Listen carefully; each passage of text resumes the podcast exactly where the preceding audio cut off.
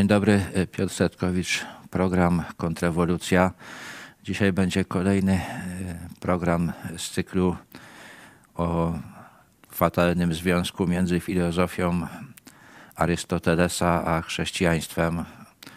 Uważam, że sprawa jest dosyć ważna, że właśnie poprzez to, że e, Kościół tworząc się w pewnym momencie przyjął tę filozofię, może nawet nie tyle e, szkodliwe było to, że ją przyjął, ale że później uznał ją za coś, co stanowi jego fundament niemal na równi z Biblią i pewnych twierdzeń, których dało się nie, których nie dało się bronić, e, uporczywie. Bronił, doprowadził do tego, że chrześcijaństwo zostało uznane za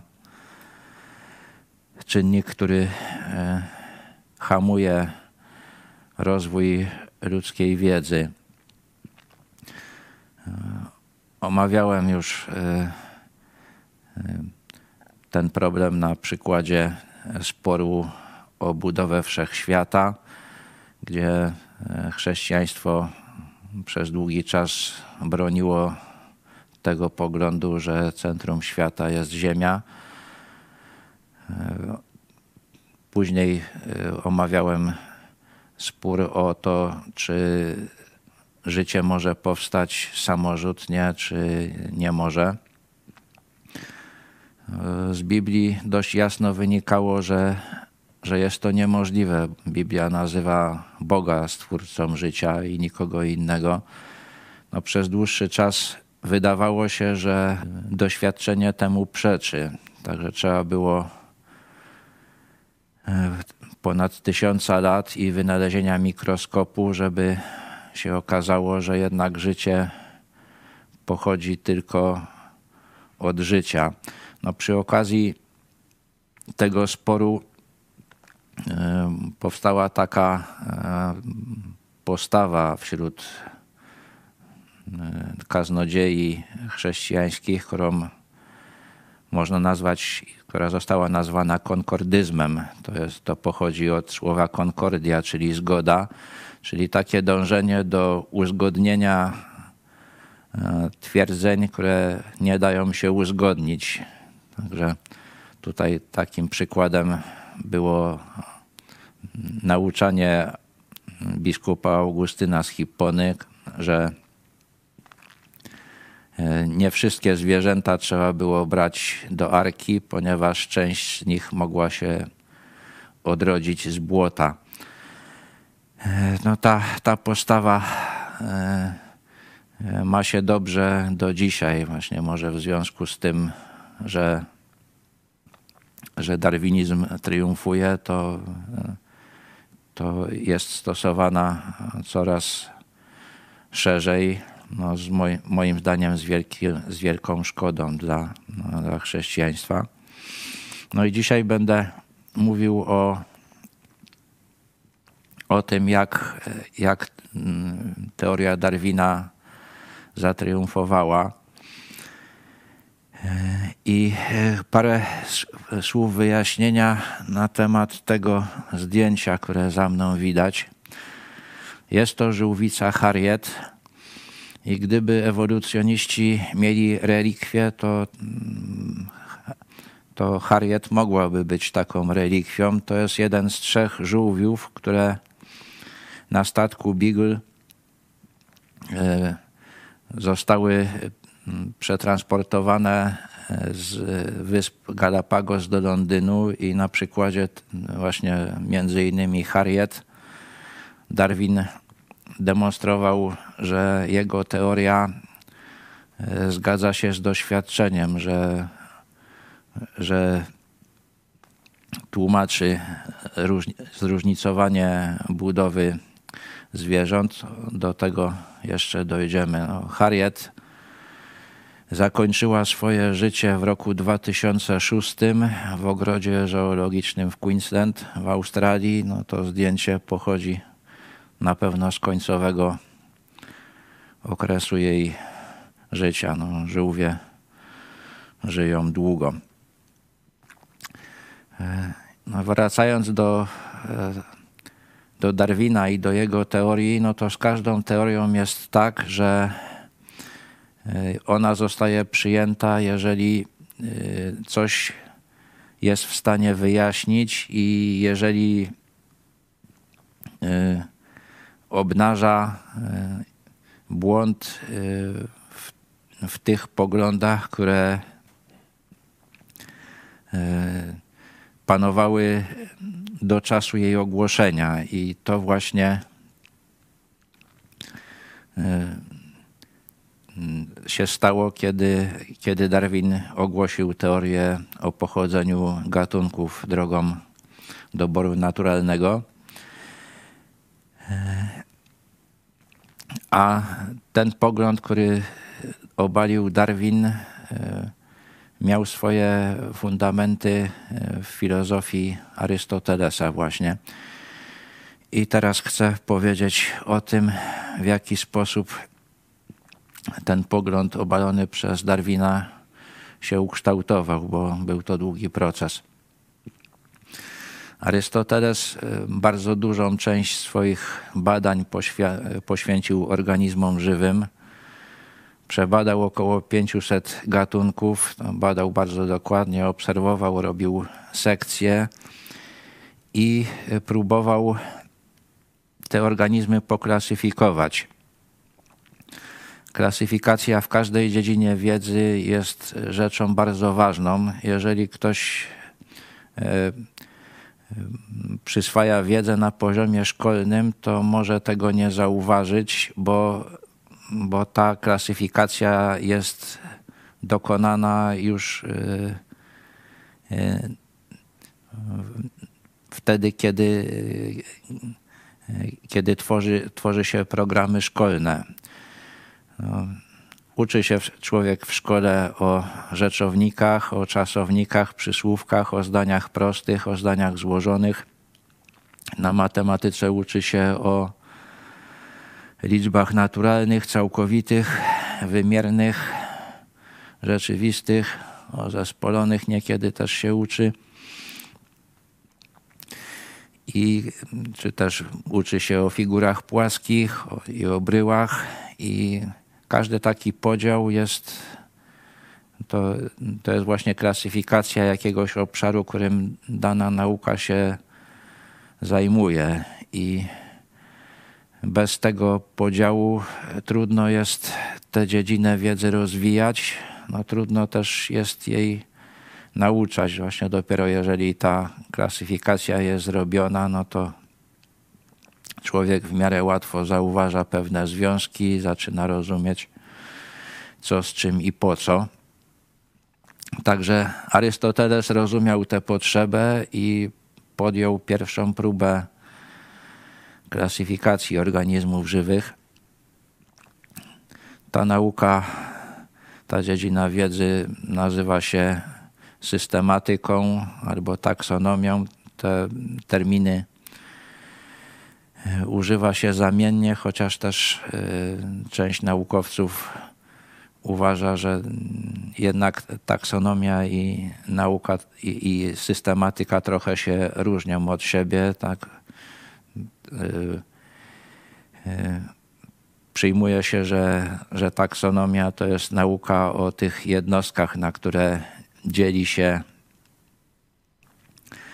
dzieli się świat żywy, o tym, o tym, jak się je tworzy, natomiast systematyka to jest też nauka o związkach między tymi organizmami i między tymi, tymi klasami taksonomicznymi. No i w naszych czasach systematyka to jest, y, że tak powiem, opanowana przez ewolucjonizm i tak można też powiedzieć, że, że, je, że, jest, że ewolucja jest wbudowana w, w myślenie dzisiejszych e, systematyków. Także Arystoteles podjął taką pierwszą próbę klasyfikacji organizmów I jeszcze taka uwaga, że wydaje mi się, że w ten sposób zrobił coś, czy próbował zrobić coś, co było pierwszym zadaniem Adama, które dał mu Bóg po stworzeniu według opisów Księdze Rodzaju, no bo przyprowadzał wszystkie, wszystkie zwierzęta, które stworzył do Adama, a on nadawał tym zwierzętom nazwy, no to jest właśnie zadanie e, taksonoma. I jeszcze taka, taka uwaga, no przygotowując się do tego programu, e, przeczytałem e, książkę jednego z najwybitniejszych e, współczesnych systematyków, Ernsta Mayera. I no, co zauważyłem? No jedna, jedna rzecz to jest to, co, na co sam profesor Mayer zwraca uwagę, że, że ta skłonność do klasyfikowania zwierząt y, pozostała w ludziach, że jest bardzo wielu ludzi, którzy się tym amatorsko y, zajmują i y, profesor Mayer w tej swojej książce no, bardzo, bardzo tych ludzi dowartościowywał, wręcz stwierdzał, że, że gdyby takich ludzi nie było, to on by wiele nie osiągnął. Tam dziękował im za, za udostępnianie swoich zbiorów i też za, za różne pomysły, które e, od nich usłyszał. No też y, y, obserwował, że y, także wśród ludzi, ludów bardzo prymitywnych ta skłonność się pojawia. On podawał taki przykład swojej wyprawy do Nowej Zelandii, do, do Nowej Gwinei w latach 30. Nowa Gwinea to jest taki obszar, gdzie czas się zatrzymał. Tam do dzisiejszego dnia chyba ludzie żyją na poziomie epoki kamienia łupanego czy gładzonego nawet. No i spotkał się z, tam, z tamtejszymi mędrcami wioskowymi i był pod dużym wrażeniem ich osiągnięć w dziedzinie taksonomii. Tak się okazywało, że, że myśli tych ludzi i jego myśli szły bardzo podobnymi drogami, mieli, mieli bardzo podobne e, poglądy. Także, e,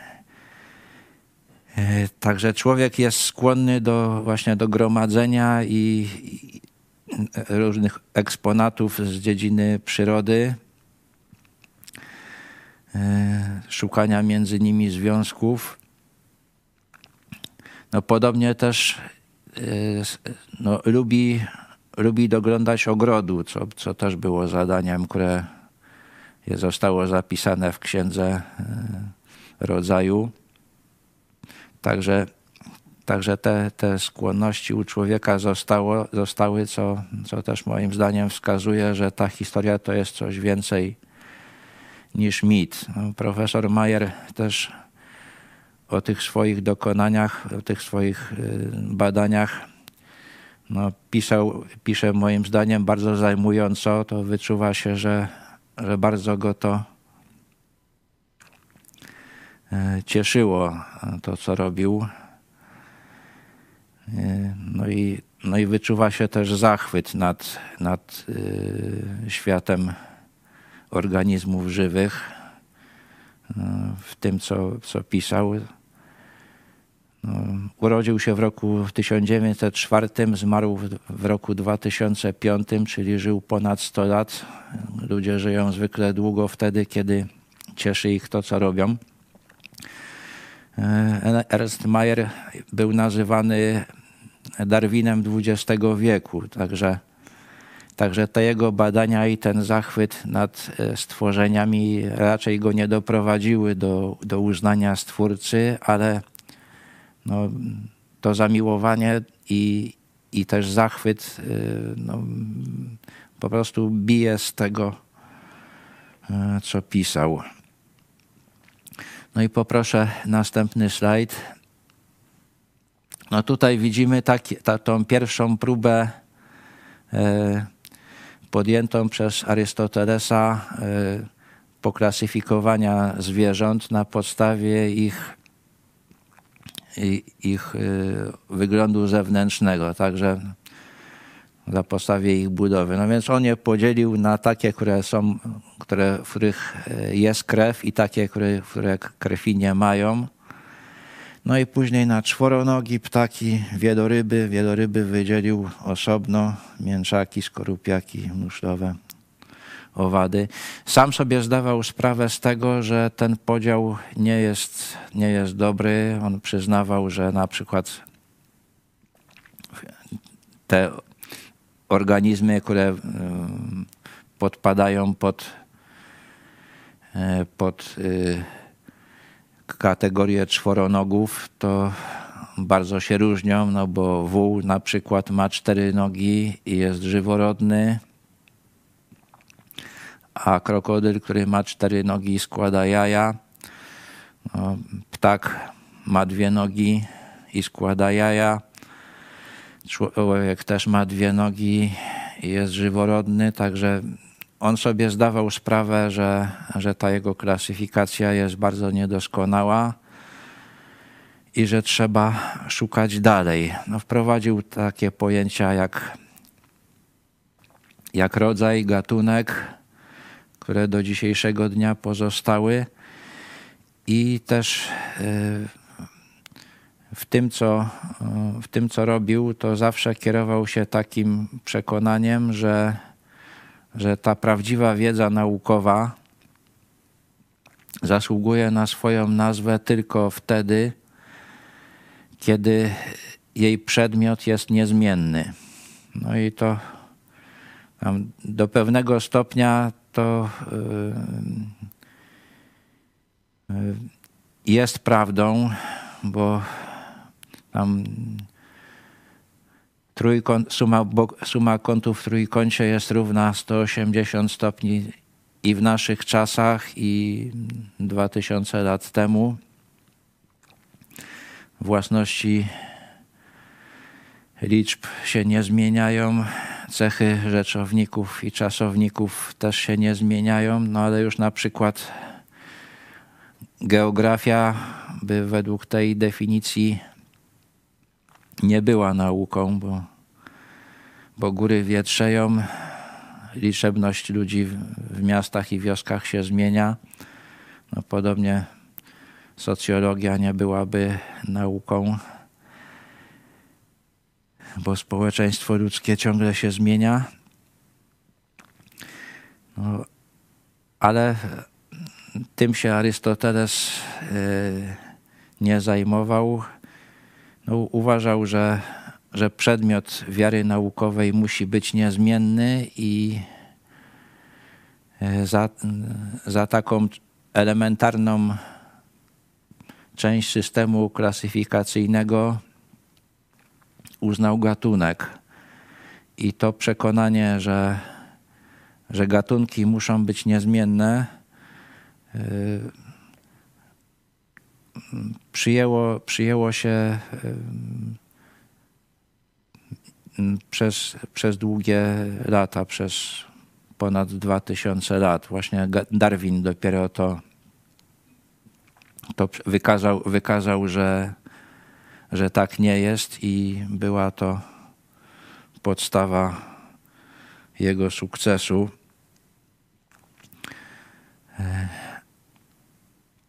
Ale zanim, zanim do tego doszło, to przez długi czas rozwijano systematykę organizmów żywych.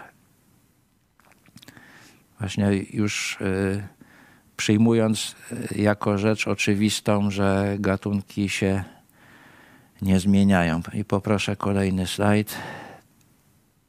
No tutaj widzimy człowieka, który dla systematyki położył ogromne zasługi. To jest Karol von Linne, zwany najczęściej Linneuszem, uczony szwedzki żyjący w XVIII wieku, który no, przeprowadził ogromne, ogromne badania e, organizmów żywych. przebadał i, i sklasyfikował ponad 7 tysięcy y, gatunków różnych roślin i ponad 4 tysiące gatunków zwierząt. No to mm, mo można też znaleźć inne, inne liczby, w zależności od tego, gdzie, gdzie kto y, szuka.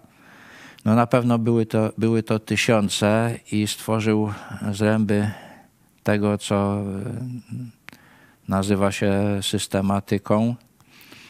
No i chciałbym pokazać, jak ten, jak ten system, to, to już nie jest system Linneusza, to on został jeszcze później rozbudowany, ale, ale fundamenty położył Karol Linneusz.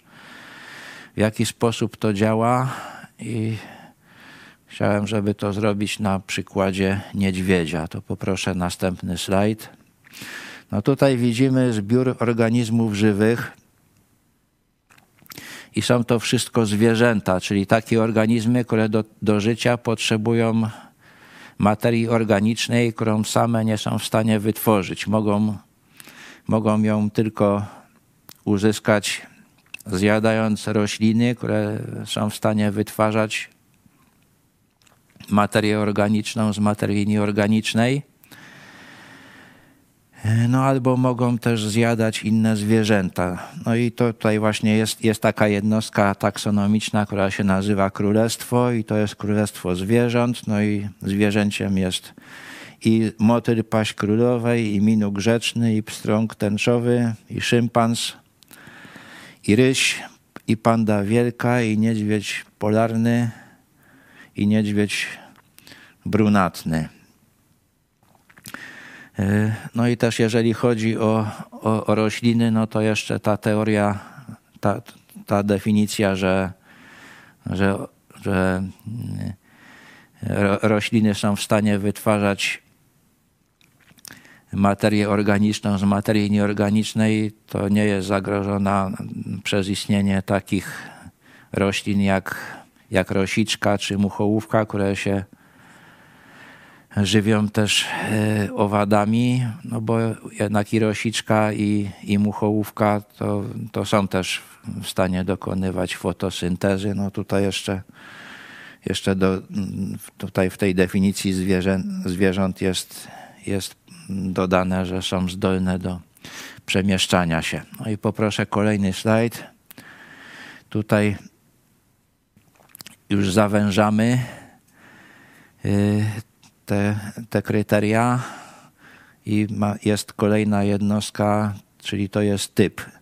I typ się nazywa strunowce, czyli to są takie zwierzęta, które mają strunę grzbietową jako, jako, taki, jako taką, taką oś swojego organizmu. One są symetryczne, no i ta struna grzbietowa zawsze jest. Tutaj jest napisane w okre, przynajmniej w okresie zarodkowym. I to jest tak, że albo po urodzeniu czy, czy wykluciu się pozostaje ta struna struną, albo zamienia się w kręgosłup i odpada nam, odpadł nam motyl, bo on struny grzbietowej nie ma, natomiast minu grzeczny, pstrąg, szympans, ryś, panda, niedźwiedź polarny i niedźwiedź brunatny mają tę strunę. No i, nas, no i teraz za, zawężymy znowuż e, klasyfikację. I tutaj jest podtyp kręgowce, czyli zwierzęta mające po narodzin, narodzeniu szkielet oś, osiowy w postaci kręgosłupa. Odpadł nam minuk, który ma tylko strunę grzbietową przez cały czas swojego życia, ale pstrąg, szympans, ryś, panda wielka, niedźwiedź polarny, niedźwiedź brunatny – kręgosłup mają. No i znowuż zawężymy klasyfikację. I jest następna klasyfikacja gromada ssaki, czyli kręgowce karmiące swoje młode własnym mlekiem. Tutaj odpada nam pstrąg, no ale łapie się na to i szympans, i ryś, i panda wielka, i niedźwiedź polarny, i niedźwiedź brunatny. No i znowuż zawężymy kryterium i jest rząd drapieżny, czyli, czyli takie zwierzęta, które się żywią innymi zwierzętami, głównie mięsem tych zwierząt, które zabijają, albo tych, które straciły życie w inny sposób i są odpowiednio do tego przystosowane. Także teraz z tego zbioru odpadł nam szympans bonobo, a pozostały w nich ryś europejski, panda wielka, niedźwiedź polarny i niedźwiedź brunatny. No i znowuż zawężymy kryterium i jest następna jednostka, która się nazywa rodzina. Jest to rodzina niedźwiedziowate. I tutaj zasadniczą, zasadniczą y, cechą wyróżniającą te niedźwiedziowate to jest to, że one mają pazury i nie są w stanie tych pazurów schować. Pazury są zawsze na wierzchu, także tutaj wypadł ryś, który podobnie jak wszystkie inne koty może pazury chować albo je wystawiać. No i to są tutaj, to są, to są zwierzęta o właśnie stopo, stopo pochodne, one tak człapią. No i tutaj to podobieństwo między nimi, no to jest zauważalne no, właściwie dla każdego, kto, je, kto, kto na te zwierzęta czy na, na te fotografie patrzy. No i znowuż zawężymy metodę klasyfikacyjną. No i tutaj już mamy, mamy tego niedźwiedzia.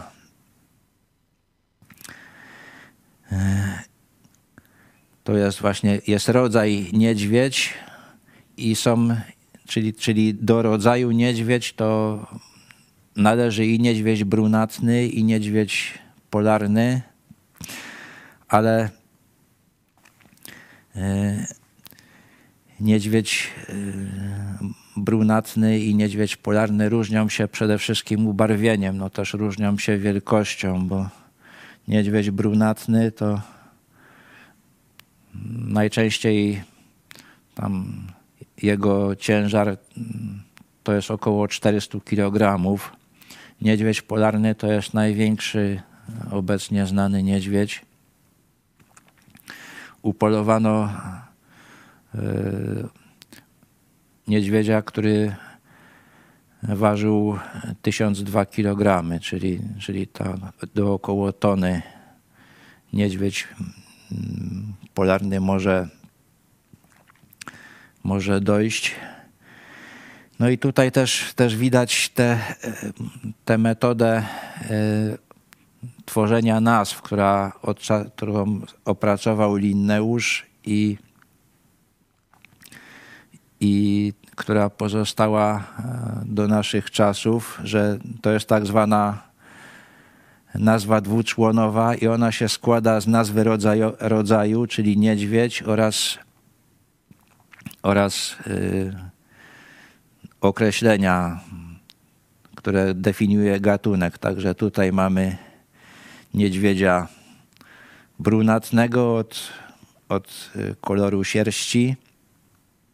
No też są różne inne gatunki, właśnie niedźwiedź polarny czy niedźwiedź grizzly, który ma łacińską nazwę Ur Ursus horribilis, czyli niedźwiedź straszliwy. On jest większy od niedźwiedzia brunatnego, chociaż mniejszy od niedźwiedzia polarnego. No i jeszcze te, te metody ta, ta metoda tworzenia nazw y, to ma to do siebie, że y, zasadniczo to tworzy się nazwy w języku łacińskim, tak robił Linneusz i tak pozostało do dzisiaj i pod nazwą dodaje się nazwisko człowieka, który gatunek opisał i sklasyfikował oraz rok, w którym to nastąpiło. No i tutaj widzimy, że niedźwiedzia brunatnego wprowadził do klasyfikacji Karol Linneusz w roku 1700 58. No i poproszę kolejny slajd. A tutaj jest taki rysunek poglądowy, yy, gdzie, gdzie są te, te yy, yy, jednostki taksonomiczne ułożone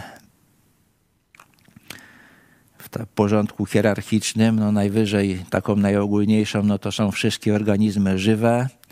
Później następuje taka jednostka, której, na, którą tutaj, której tutaj nie, nie mm, pokazałem w tych przykładach. To jest domena. Tych domen jest kilka. To są na przykład organizmy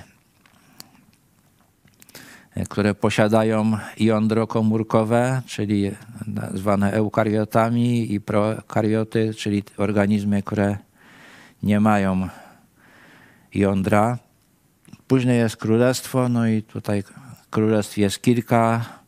Jest królestwo roślin, królestwo zwierząt. No, powstało królestwo grzybów.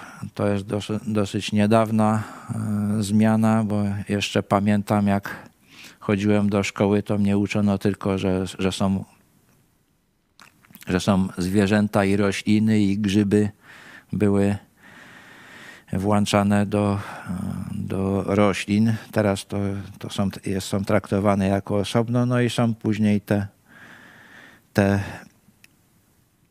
kolejne jednostki, typ, gromada, rząd, rodzina, rodzaj, gatunek. To nie są wszystkie, wszystkie jednostki bo są jeszcze jakieś podgromady, podrzędy, no i poniżej gatunku też są, też są e, odmiany i, i rasy. No i tutaj widać, że, że tak z każdej, z, każdego, z każdej tej wyższej kategorii wyrasta jedna niższa, a są ślady, że, że wyrastają także inne. I gdyby to odwrócić i dorysować te inne jednostki, to powstałoby takie coś, co poproszę kolejny slajd, będzie to widać, że powstałaby taka struktura e, jakby drzewa. Jest to jest ten, ten korzeń drzewa i to się coraz bardziej rozgałęzia. Tutaj są tutaj to się jakby no rozgałęzia na trzy piony, czyli na na rośliny, na te prokarioty, czyli organizmy jednokomórkowe bez jądra i, i na zwierzęta. Także powstaje taka struktura drzewa. Informatyk by powiedział pewnie, że to jest struktura bazy danych, no bo, no bo taka, taka jeżeli, jeżeli trzeba coś wpisać do, do bazy danych, no to, no to właśnie tak się tworzy katalogi, podkatalogi w tych, w tych katalogach i tak, tak się, tak zawężając te kryteria klasyfikacji, no to tworzy się tych, tych zbiorów tyle, ile jest potrzeba, żeby, żeby to wpisać. I zawsze to w pewnym stopniu zależy od klasyfikatora i, i nie inaczej jest, jest w przypadku klasyfikacji zwierząt. Różni klasyfikatorzy różnie potrafią klasyfikować. No, jeżeli chodzi o, o klasyfikację niedźwiedzia, no to też można klasyfikować inaczej. Spotkałem się jeszcze z taką klasyfikacją, gdzie, gdzie jakby no tym, tą jednostką nadrzędną, do, której należą niedźwiedzie, to, to jest taka jednostka nazywana psokształtne, także Także no różnie, różnie to można, można tworzyć, ale schemat jest, jest właśnie taki. No i poproszę kolejny slajd. No i tutaj właśnie y, zaczynam omawiać, w jaki sposób Darwin y, zadał cios, który zniszczył to przekonanie, że że, e, że gatunki są, e, są niezmienne. No najczęściej się e, mówi o, o ziębach, o kształcie dziobów zięb. No i je, mamy na kanale taki program o ziębach, który zrobiła kiedyś doktor Kubicka, także tego, co tam jest, no nie będę powtarzał. Zachęcam, żeby sobie to obejrzeć, jeżeli, jeżeli ten problem klasyfikacji i, i dokonań Darwina e, będzie interesował. No ja się skupię na, na żółwiach. No, bo jeżeli chodzi o zięby, no to, no to tam e, Darwin zauważył, że w zależności od pokarmu e, grubość dziobów zięb zmieniała się. I też zauważył, że w zależności od, od tego, w jakim środowisku żyje żółw, e, a na wyspach Galapagos są wyspy o bardzo różnych klimatach i różnych szatach roślinnych. I wszędzie tam występuje tak zwany żółw słoniowy. No, żółw słoniowy, jak sama nazwa wskazuje, jest duży. Dochodzi do około 400 kg. E, no i on się e, zmienia w swojej, w swojej budowie. No i tutaj mamy taki przykład ja, ja bym to nazwał żółwiem bazowym, bo najczęściej żółw wygląda właśnie w taki sposób, że ma taką skorupę w kształcie kopuły. I e, ta kopuła mu nie przeszkadza, jeżeli, jeżeli dużo, jest dużo e, zieleni na, na poziomie gruntu, co właśnie tutaj widać, że, że ma miejsce. A zaletą, zaletą takiej kopulastej skorupy jest to, że żółw może schować pod nią i głowę, i łapy. No i wtedy żaden drapieżnik mu nie straszny.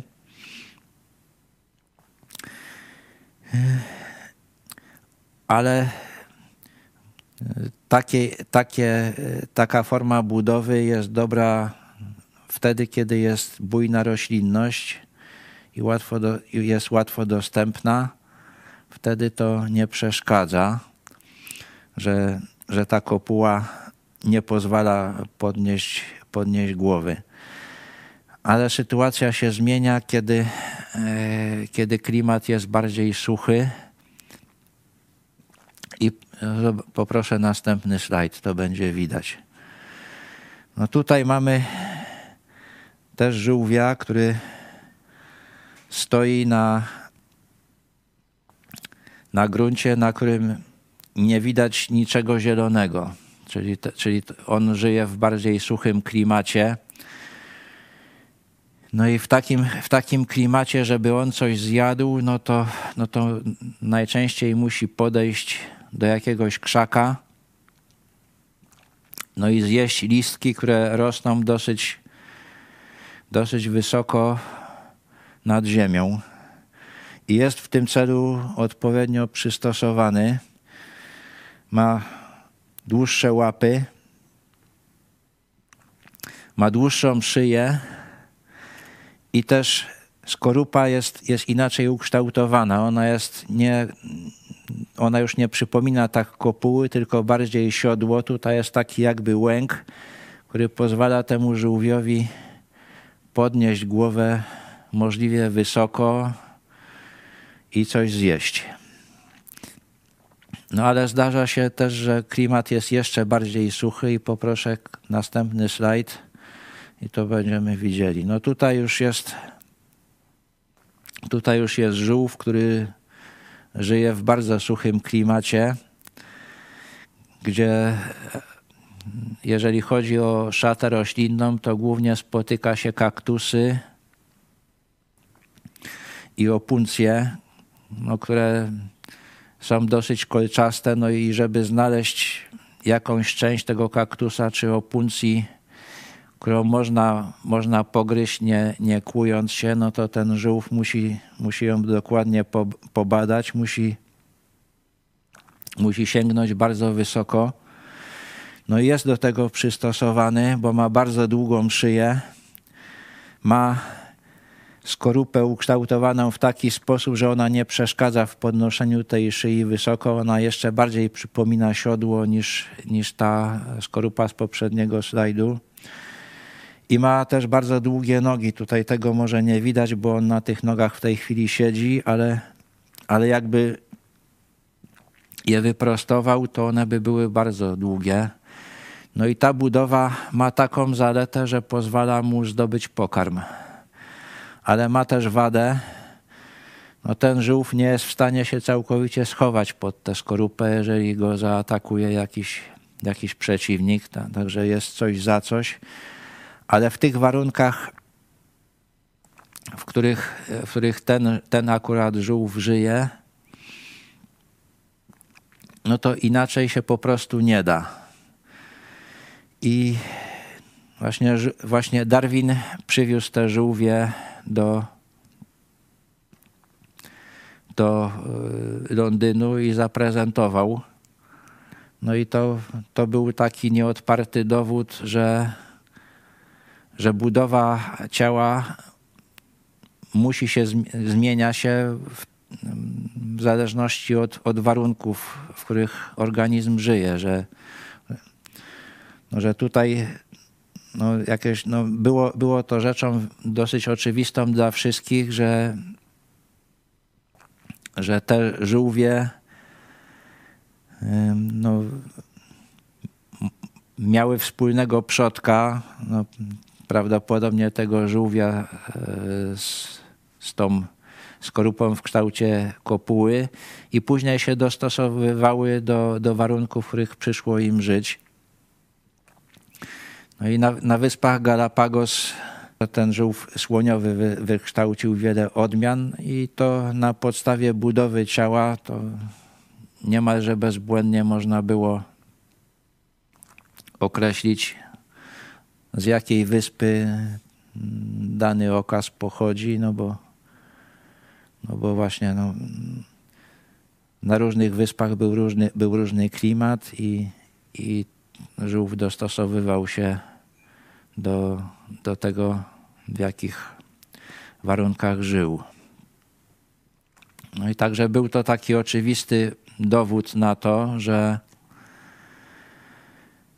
że yy, gatunki jednak, jednak się zmieniają, że pod wpływem różnych, różnych czynników, właśnie i dostępności pokarmu, i klimatu, y, no, następuje, następuje zmiana, zmiana w budowie zwierząt, że takie drobne zmiany się, się kumulują no i, do, i doprowadzają do tego, że właśnie, że, że taki żółw no już bardzo, bardzo wyraźnie różni się od, od tego żółwia,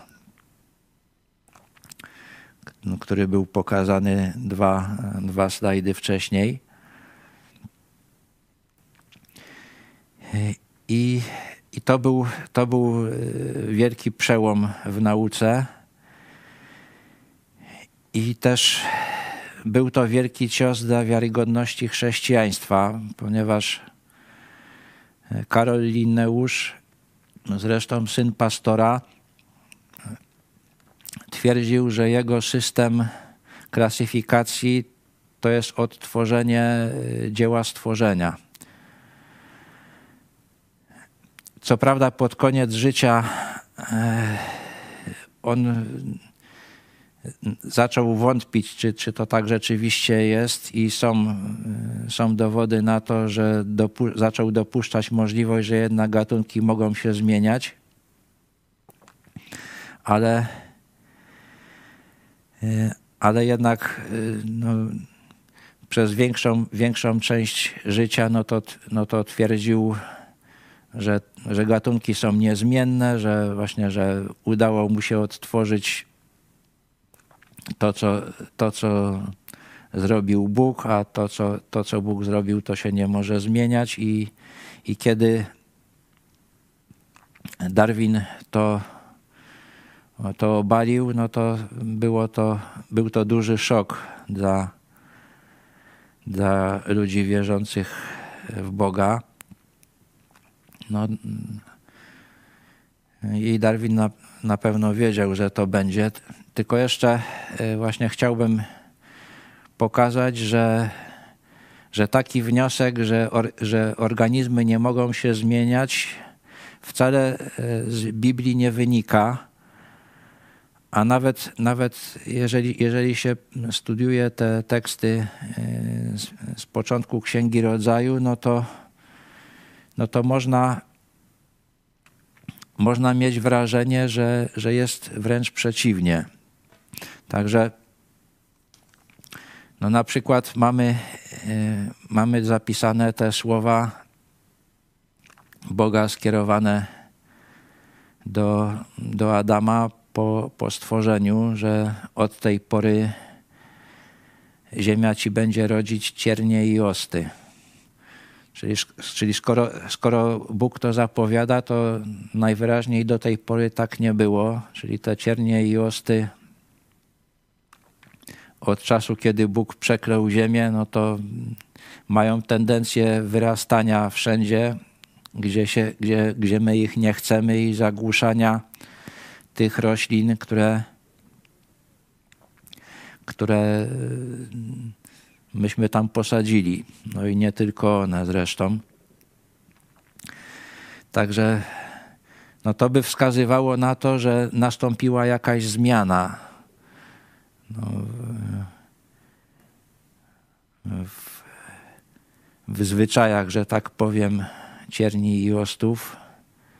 No a skoro jedna zmiana nastąpiła, no to, no to yy, być może, być może te, te zmiany na, następują w dalszym ciągu. No kolejna, yy, kolejna taka yy, rzecz, którą można zauważyć w Księdze Rodzaju i która by mogła skłonić do, do podejrzenia, że jednak jakieś zmiany w organizmach żywych następują, to jest, to jest twierdzenie Boga, że, że daje wszystkim zwierzętom za pokarm trawę, a ludziom owoce. No, jak wszyscy wiemy w tej chwili, to nie wszystkie zwierzęta żywią się trawą. No, są, są właśnie drapieżniki, które żywią się właśnie głównie tymi zwierzętami, które pozostały przy trawie, czyli nastąpiła znowuż jakaś zmiana w nich, właśnie, że, że przystosowały się do, do żywienia się e, mięsem innych, innych zwierząt. No jeszcze kolejna, kolejna taka przesłanka, że, że yy, organizmy się zmieniają, to jest, to jest to stwierdzenie Boga, które podsumowało cały ten tydzień stwarzania.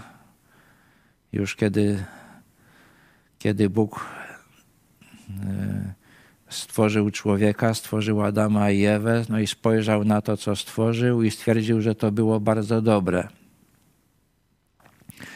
No i jeżeli spojrzymy na ten świat, który w tej chwili mamy, no to, no to trudno go nazwać bardzo dobrym. Już nie tylko ze względu na to, że, że jedne zwierzęta zjadają drugie, no ale są też różne pasożyty, są różne zarazki powodujące choroby. No i jeżeli, jeżeli kiedyś wszystko było bardzo dobre, no to mm, tak przynajmniej w moim rozumieniu dobrego świata, to, to, ani, to nie mogło być ani tych zarazków chorobotwórczych, ani pasożytów. I to znowuż by wskazywało na to, że, że po stworzeniu zaczęły zachodzić y, w świecie zwierząt pewne niekorzystne zmiany, które doprowadziły do tego, co mamy w tej chwili. No i tak, tak, no moje, jakby no, no moje wyjaśnienie tego, że, że, że tak się właśnie dzieje, no to, no to jest takie, takie moje podejrzenie, że, że ten stan zwierząt, jakie są w tej chwili, no to ma nam ludziom uprzytomnić, e, jaki, jaki jest nasz stan. My też zostaliśmy stworzeni, żeby być dobrymi, no ale, ale, ale już tacy nie jesteśmy, atakujemy innych, zatruwamy im życie, pasożytujemy na nich. No i no i też, też przyroda ma nam to pokazywać, jak to, jak to kiedyś stwierdził Zenon Laskowik. Jej słowa też zdaje się skierował do Bogdana Smolenia. Przyroda cały czas nas uczy, tylko my jej czytać nie umiemy. Ale yy, no tak to, tak to można sobie tłumaczyć, jednak e, ten pogląd, który, e, który zakładał, że żadnych zmian gatunk, ważnych dla, dla definicji gatunku nie mogło być. W wieku XIX jeszcze, jeszcze dominował i kiedy został obalony, no to było to dla wielu ludzi szokiem. A o tym, co, w jaki sposób sobie, sobie z tym radzono i do czego doszło, no to powiem już w następnym odcinku. Dziękuję za uwagę.